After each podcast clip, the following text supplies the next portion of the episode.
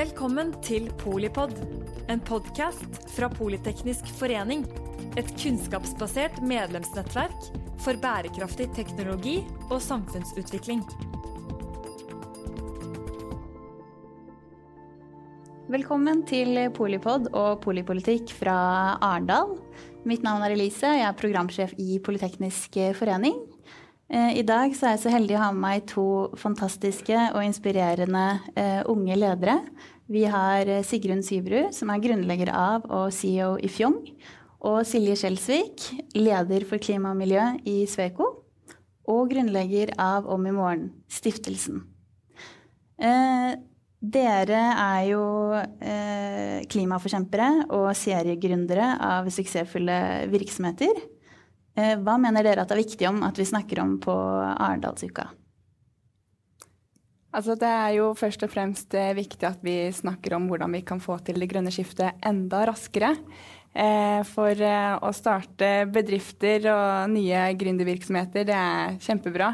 Men vi har et stort næringsliv som vi også må omstille. Så det er viktig at vi, vi får med også det etablerte næringslivet. Og så er det viktig at vi får eh, snakket sammen med akademia, næringslivet og politikken. At vi får inn ja, mm, samler oss, sånn at politikken kan sette rammeverket for eh, at det blir lettere for bedrifter med å implementere grønne løsninger. Legge inn de riktige virkemidlene, f.eks. Så ja, det er, det er, mye vi må Veldig snakke om. Ja.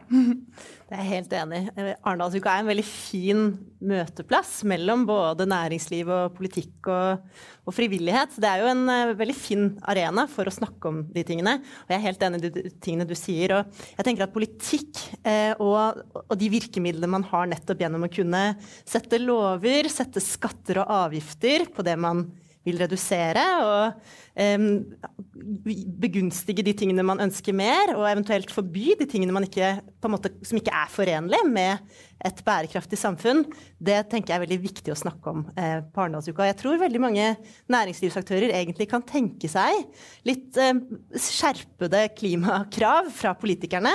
Det er viktig at det blir likt for alle, sånn at det er lik eh, på en måte playing field, eller at det er like spilleregler for alle. Og det tror jeg eh, mange ønsker seg, og det tenker jeg er viktig å snakke om nettopp på Arendalsuka. Mm.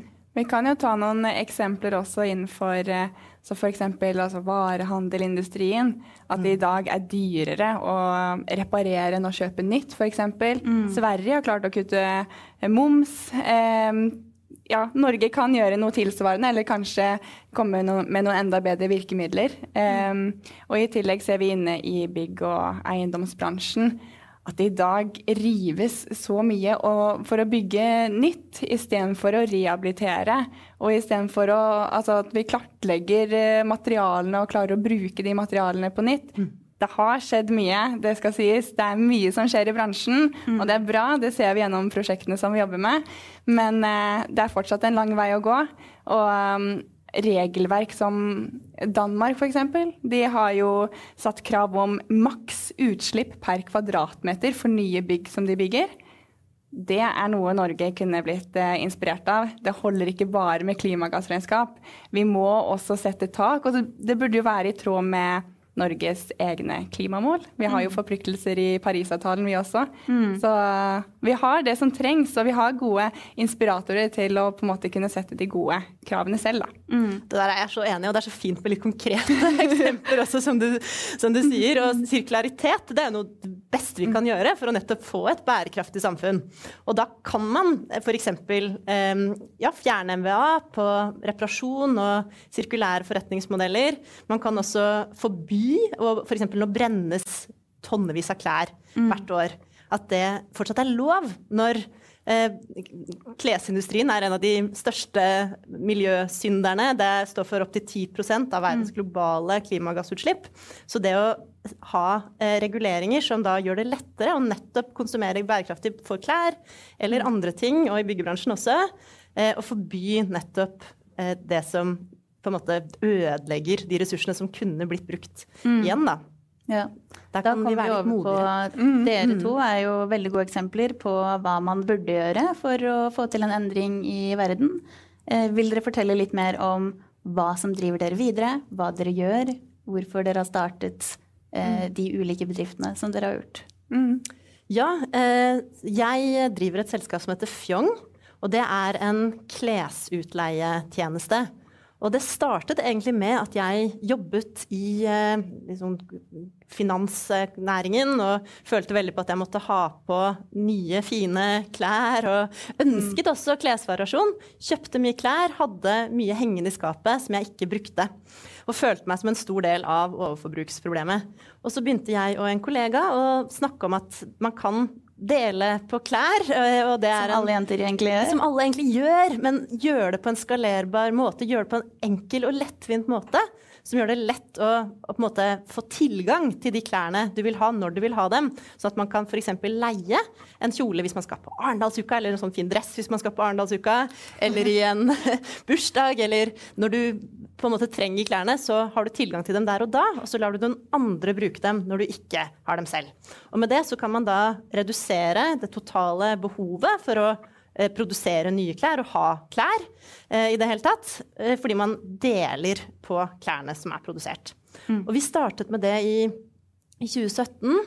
Eh, har bygget en eh, webbasert teknologi for å gjøre det enkelt, både skalerbart fra på en måte et mer operasjonelt perspektiv. At det skal være eh, kostnadseffektivt å levere ut klærne til eh, kunder over hele Norge. Og få de tilbake og vaske og reparere dem underveis. Eh, men også gjøre det lettvint for kundene. For at den store altså Man kan jo alltids kjøpe og ha hengende i skapet. Det er jo en ofte en på en måte mer lettvint måte å konsumere på. Så for at man skal konsumere bærekraftig, så må det være minst like lett som å kjøpe og, mm. og ha, og ha den gamle måten å konsumere på. Så det har vi også lagt veldig mye vekt på. Og så har det vært pandemi, og det har, gjort, det har vært en utfordring for oss som selskap. For da, det, da trengte jo ingen klesvariasjon, så da, det var jo bra sånn sett for miljøet. At man ikke Altså man kjøpte jo mye likevel, da, men kanskje mer sånn turutstyr og sånn. Men man hadde ikke så mye behov for for Fjong. Mm. Men nå når pandemien er over, så eh, er vi nå i gang i et, vårt første nye marked i Danmark og planlegger flere land. Så det, det har vært en, en, en, litt sånn utfordrende reise de siste årene, men nå opplever vi at ting endelig begynner å gå bra igjen. Mm. Mm. Eh, fortell litt mer om den teknologien dere bruker for å utvikle selskapet. Vi er jo polyteknisk, elsker ja. teknologi. ja, ikke sant.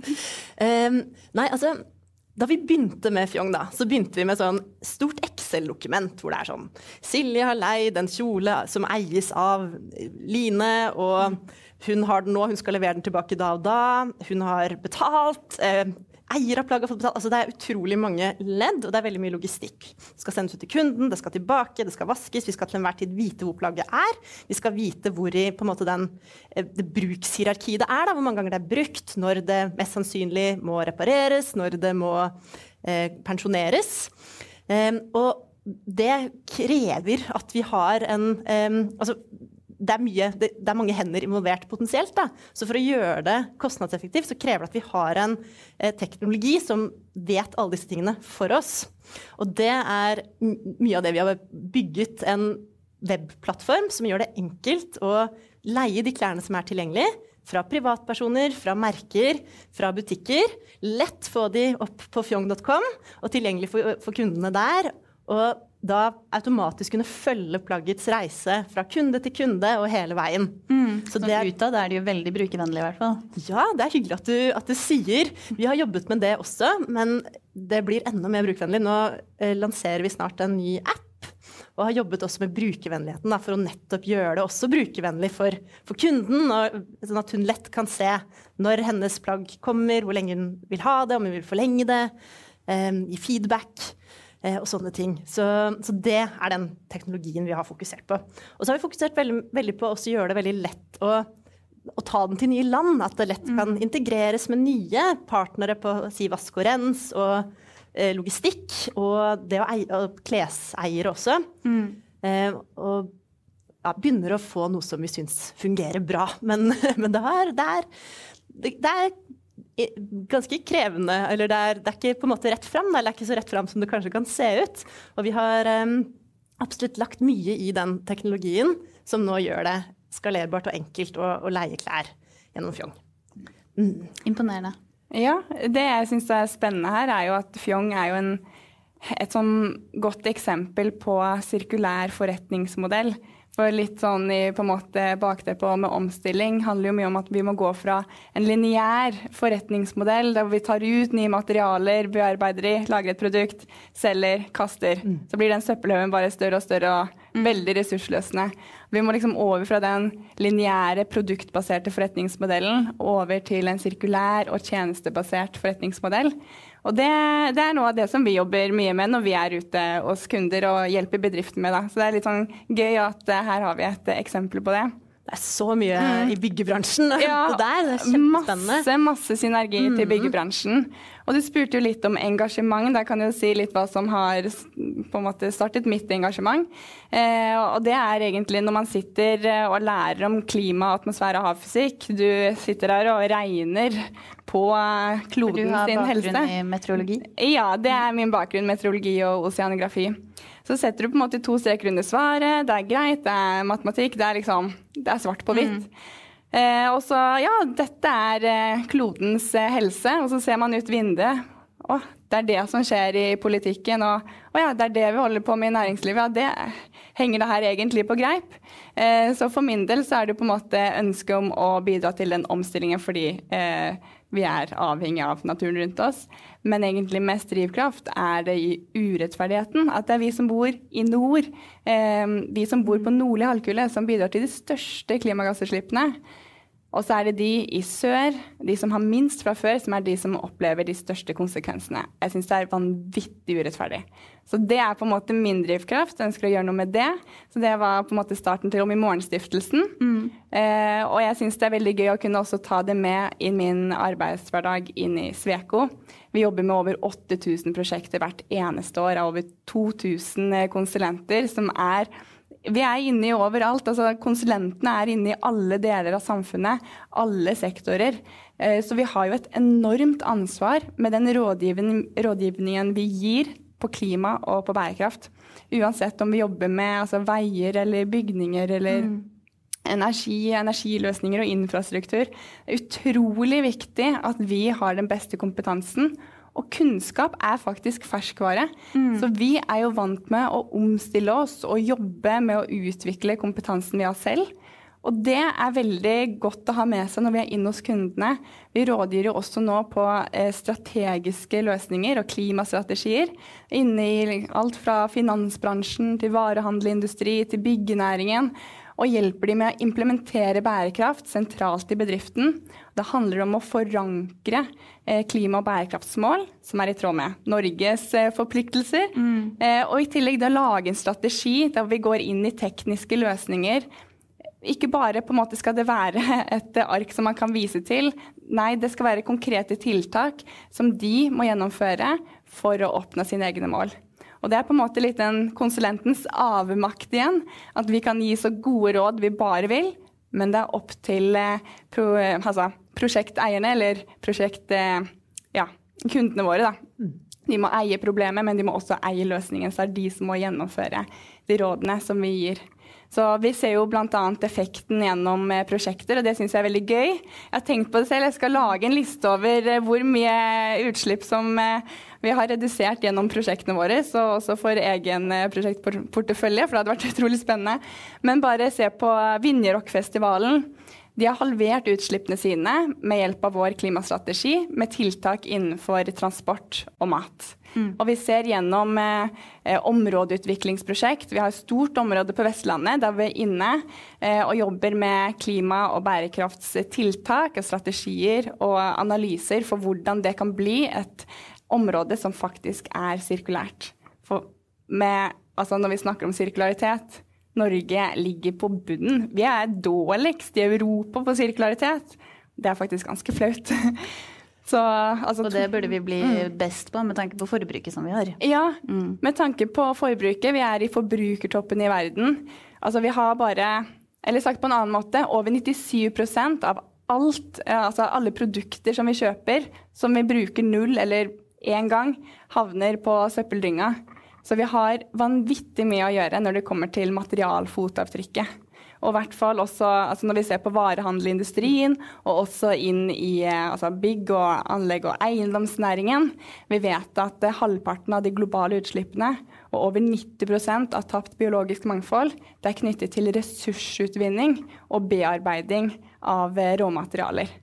Så vi har enormt mye å gjøre, og vi trenger flere selskaper som Fjong bl.a. Mm. Og i Morgenstiftelsen, det høres veldig spennende ut. Hva, ja. hva, gjør den? Ja, om i Morgenstiftelsen, det var eh, ja, en gruppe studenter og meg selv som startet eh, for noen år siden. Mm. Eh, som ja, studenter vi lurte på hvor er det vi kan få jobb, hvor er de grønne arbeidsplassene? Mm. Eh, og i tillegg, hvorfor snakker ikke klimaforskningen, altså akademia, politikken og næringslivet sammen? Vi syntes det var helt håpløst at man holdt på på hver sin tue. Mm. Så vi startet en stiftelse for å få disse aktørene. Vi hadde eh, med første konferansen som vi arrangerte, var det ministre, det var eh, toppledere i næringslivet, og vi hadde klimaforskere. Og det var tilbake i 2018? Det var i 2018 første mm. gang. Mm. Og ja, vi har hatt det hvert andre år siden, da, så neste gang er faktisk nå 7.9. i Grieghallen.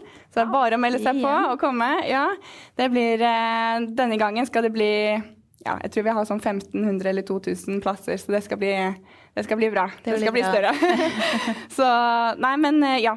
Om i Morgenstiftelsen jobber med formidling og prosjekter eh, knyttet, hvor man knytter forskning og næringslivet sammen. Og jobber også Eh, politisk eh, si, med innspill i forhold til hva slags eh, tiltak som man kan legge fram for å ja, jobbe med grønn omstilling og skape flere grønne arbeidsplasser. Fantastisk. Mm. For en bra stiftelse. Ja, det, mm. det ja.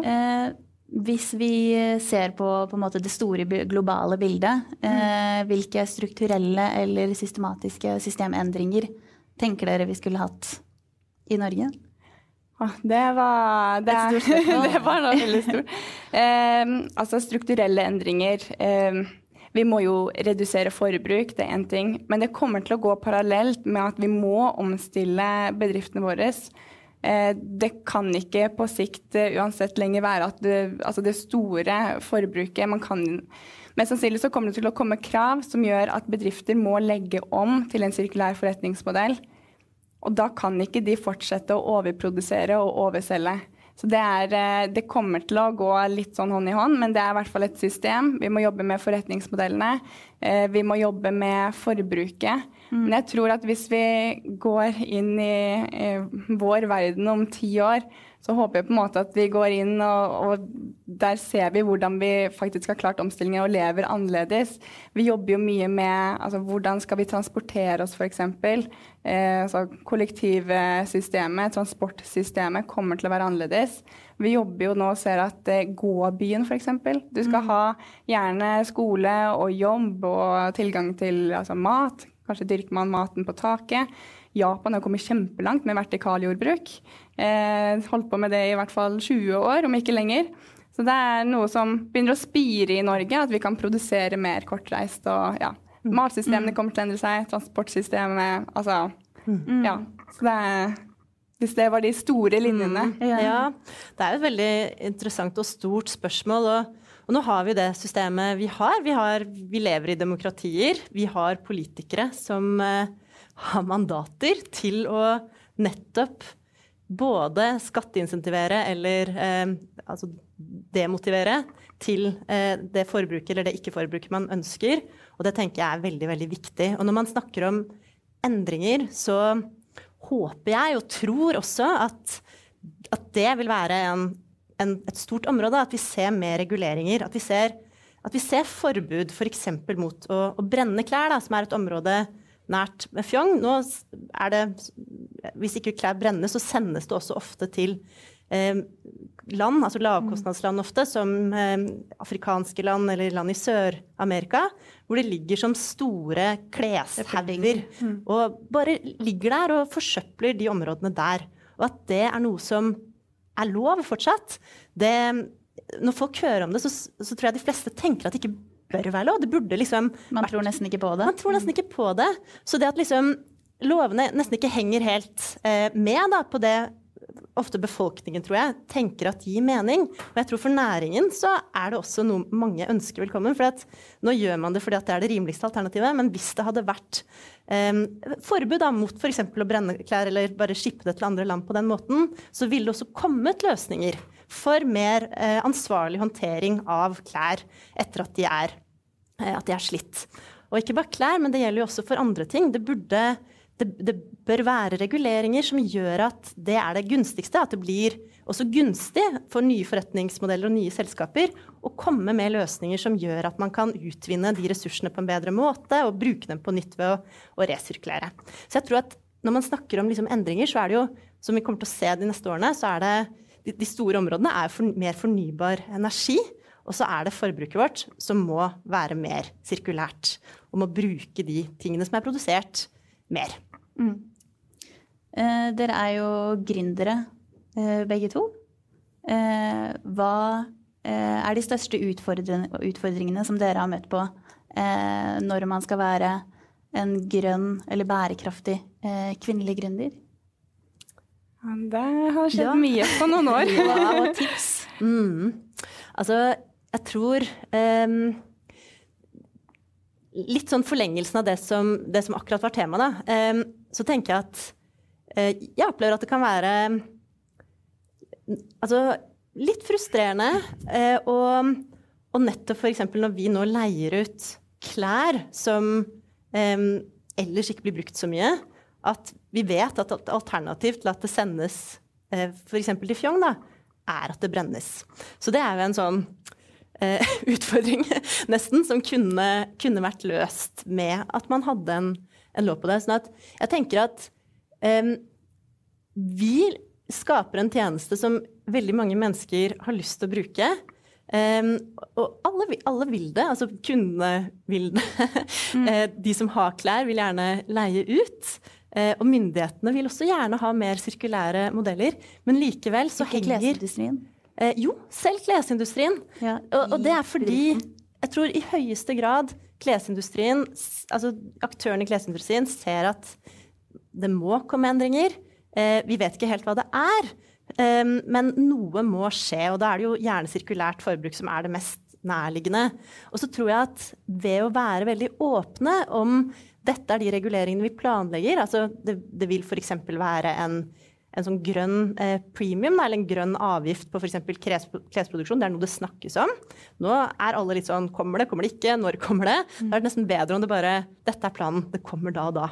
Eller eh, at ting må resirkuleres, f.eks. Eh, altså den transparensen og, og, og tydeligheten da, på hvilke eh, regler som kan komme, og som da vil kunne ha veldig mye innflytelse på næringen, det tror jeg egentlig er noe alle ønsker velkommen. for at endring er uunngåelig. Vi kan ikke bare fortsette sånn som vi har gjort nå og lukke inn øynene. Det kommer til å komme, men det å vite litt hva som kommer, det tror jeg er noe som egentlig hele næringen gjerne vil ha. da. Mm. Så i høyeste grad. Og når det kommer til det å være gründer, kvinnelig gründer, det er litt annet uh, tema. Um, men det er jo Jeg tenker at det å være gründer er en uh, Det kan være en tøff reise. Uh, jeg tror det er veldig viktig å ha sånn som du eh, og jeg for så vidt, at vi har en sånn motivasjon for at dette skal vi få til da, i de vanskelige dagene. Og, for det gir en altså, At man føler at man jobber for en større sak, da, eller en viktig sak som er veldig engasjerende. Mm. Det gjør det lettere å komme gjennom vanskelige perioder. Um, og gjør det også lettere å virkelig, tror jeg, altså være, stå skikkelig opp for ideen sin, eller det uh, selskapet man har startet, og virkelig kunne uh, eie det. Mm. det. når det kommer til kvinner og menn, det, hørt, det, er liksom, det er forskning som viser at for kvinner har lettere for å promotere noe annet enn seg selv. Og, og sånne ting. Og sånn sett kan det jo være um, Ja, for, altså sånn at det blir lettere for meg Jeg kan kjenne meg litt igjen i det. At det er uh, lettere å da Altså, gjør det for en større sak. Mm. Det handler ikke om liksom meg her. Ja. Mm. Jeg tror også i forhold til akkurat det der um, at det er hva er det da, 90% om ikke mer, mm. eh, mannlige investorer. Så når du skal ut og hente penger, så er det gjerne menn du møter på. Eh, og der har jo også forskning vist at eh, man investerer gjerne i det som ligner mest på deg selv. Og eh, da er det jo gjerne sånn for kvinner at man eh, må kanskje en litt lengre vei. At man vil connecte mer med som kvinnelig gründer, med en kvinnelig investor. Så man, hvis du ser det fra det perspektivet, så har man kanskje nesten et litt sånn mindre marked der, og må kanskje jobbe litt ekstra hardere for å få med seg det større flertallet av investorer. Eh, men det ser jeg i hvert fall begynner å snu. Jeg kjenner i hvert fall flere og flere og ser flere og flere kvinnelige gründere. Eh, så det er bra, eh, men vi er langt unna eh, på, på vei til den likestillingen der, eller at vi i hvert fall har likt cirka antallet av Det er så interessant. Og noen tall mm. på det da, er at, at under 1% av startup-investorer var kvinner for et par år siden. Jeg vet ikke om det er oppdatert statistikk. Um, så det, er, det var nesten ingen kvinnelige startup-investorer. Det har nok endret seg litt, for det har skjedd mye de siste årene.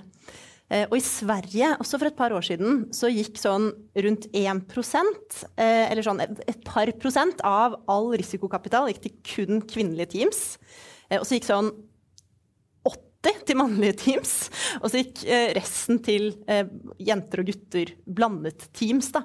Så det er en helt sånn syk skjevfordeling mm. i kapital til, eh, til mannlige gründerteams. Og så er det en del forskning som er litt vanskeligere å gjennomføre. Men det er forskning som viser f.eks. at kvinnelige gründere får helt andre spørsmål når de pitcher til investorer. De får oftere spørsmål om hvordan de skal redusere nedside, hvordan de håndterer vanskelige situasjoner. Altså det er mye mer sånn eh, risikofokus. Mens mannlige gründere oftere får spørsmål om mulighetene, oppsiden, hvordan de skal på en måte gripe an mer de, um, ja, de store mulighetene som er der, da, mer enn kvinner. Og, og det gjelder både kvinnelige og mannlige investorer også, at, man, at det er et sånn samfunnsproblem. Da, at man har ulike forventninger nesten til mm. kvinner og menn. Og så er det også Kvinner og menn blir ulikt likt hvis de nettopp promoterer seg selv eller snakker om um, altså sånn, Forskning gjort på helt like um, historier. altså sånn En kvinne og en mann som gjør de samme tingene, sier de samme tingene. Uh, og så skal to ulike grupper da rate disse ulike um, på en måte rollefigurene da, i de ulike historiene. Mm. Og da blir alltid den mannlige personen likt mye mer for akkurat den samme atferden enn den kvinnelige personen. Ja. Uh, så det er noen problemer der som man mm. må håndtere. Mm. Um, ved å ja. tenke altfor mye på det, så blir man jo bare Eller sånn, man må bare ja, gjøre sin greie, men uh, Jeg tror uh, på en måte noen gode råd, eller i hvert fall det som har funket for meg, det er å finne de rundt deg, gode støttespillere uh, innenfor altså, ditt fagområde eller det du holder på med, og vær med de som gir deg energi, de som støtter deg og lytt til de. Og så møter du på en investor som du ikke føler deg eh, tatt imot, eller kjemi. Man kan jobbe litt med det, men ikke bruk tiden din der hvor du ser at det bare fører til negativitet. Altså legg eh, energien din der hvor du kjenner at her er det muligheter for meg. Eh, og eh, det er på en måte én ting. Sånn, det, det, er mye man kan gjøre. Man må bare stå, stå, i det og være med på å løfte fram hva som funker. Tørre å snakke ut eh, og spare med andre. altså Ta kontakt med andre kvinnelige gründere som har stått i det samme før. Eh, det vil i hvert fall hjelpe med å få noen gode eh, triks i ermene. Mm. Og så tror jeg, når vi snakker om akkurat det med gründerskap, jeg tror mye av det som vi må jobbe med i Norge, er også innovasjonsgraden vår som en helhet. Mm. Sverige er jo i toppen i verden på innovasjon. Der har det skjedd mye. De har fått til masse store unicorns-bedrifter. Og ja, generelt eh, tror jeg de har en eh, skaleringsgrad fem ganger mer enn Norge har på scaleups. Mm. Eh, Norge blir litt sånn pilotlandet. Eh, vi gjør ikke like mye som vi kunne ha gjort. Vi har nok olja litt som en sånn hvilepute akkurat der. Eh, så det er nok en liten brems med tanke på den innovasjonsgraden innovasjonsgraden som vi egentlig burde hatt. I hvert fall nå når vi skal over på fornybar energi. Der har vi masse næringer. For havvind, hydrogen. Det er mye som skjer der, mye som vi skal inn i. Så den innovasjonstakten er noe som Norge må, må jobbe med. Mm. Er, jeg har så rett i det. Og det er jo, vi er et av de rikeste landene i verden. Vi har det så bra på alle måter. Eh, og vi, som du også var inne på tidligere, vi er, vi er de som har bid, eller sånn per innbygger da, bidrar mest til global oppvarming og mm. får minst av konsekvensene. Og både fra et mer sånn moralsk perspektiv, men også fra det mulighetsperspektivet vi har da, med den kapitalen og også det sikkerhetsnettverket som man har. Hvis man eh, prøver seg som gründer og ikke får det til, så vil man jo alltids få penger fra Altså, du vil ikke havne på gata, så vi har det jo eh, så trygt også. Så, så alt ligger til rette for at vi både ja, mm. kan nettopp skape mer bærekraftige bedrifter, men også at politikerne kan være litt modigere når det kommer til eh, det å sette like Eller litt sånn spilleregler som eh, setter standarden for bærekraft litt, en god del høyere enn det den mm. er i dag. Og så må vi jobbe med måten vi innoverer på. I dag så er måten vi innoverer på ganske så utdatert. Vi hopper gjerne på altså Først eh, ser vi et behov, eh, og så hopper vi rett på en eh, løsning. Og så implementerer vi det som et prosjekt. Det vi må se på, er hva er roten til problemet som vi har overfor oss hvordan, altså hva slags kompetanse trengs, og hvordan kan vi utvikle de bærekraftige løsningene. Det er noe som vi må jobbe med i mye større grad. Og det ser vi i hvert fall. Det eh, gjøres mye på forskningen på dette området. Så det må vi på en måte prøve å få inn i bedriftene. Ja, få inn i prosjektene. Og det syns jeg har vært kjempespennende.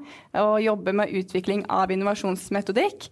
Og ta det inn hos kundene som vi rådgir, når vi jobber med å implementere bærekraft sentralt i, i, bedriftene, så må vi gjennom en innovasjonsmetodikk. Vi må ned i problemene. Hva slags problemer er det bedriftene står overfor?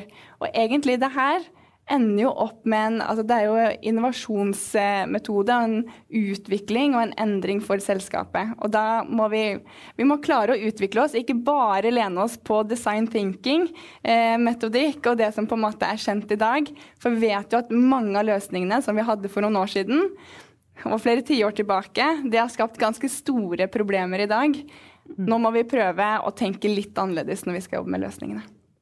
Så en liten sånn cred da, til våre politikere. Åpenhetsloven, som vi lanserte nå eh, før sommeren, som EU er på vei til også eh, Men der var vi før EU. Eh, og det er en fantastisk lov som kan ha veldig mye innflytelse på hvordan ting produseres i hele verden, egentlig.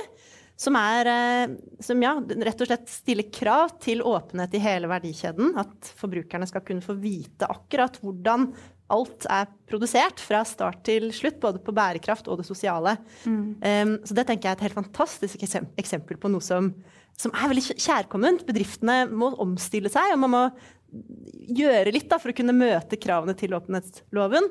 Men det er en bra ting, for det er et veldig fint og viktig skritt i riktig retning. Og det er det også jevner ut da spillereglene, altså blir likt for alle, like krav for alle. Det er kjempebra. Ja. Mm.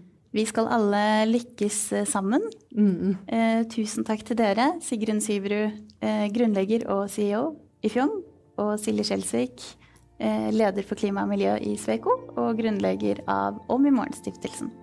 Eh, takk til alle som har sett på og som har lyttet eh, til denne podkasten. Takk for at du lyttet til Polipod fra Politeknisk forening. Få med deg flere episoder, eller bli med på nettverksmøtene som du finner på at polyteknisk.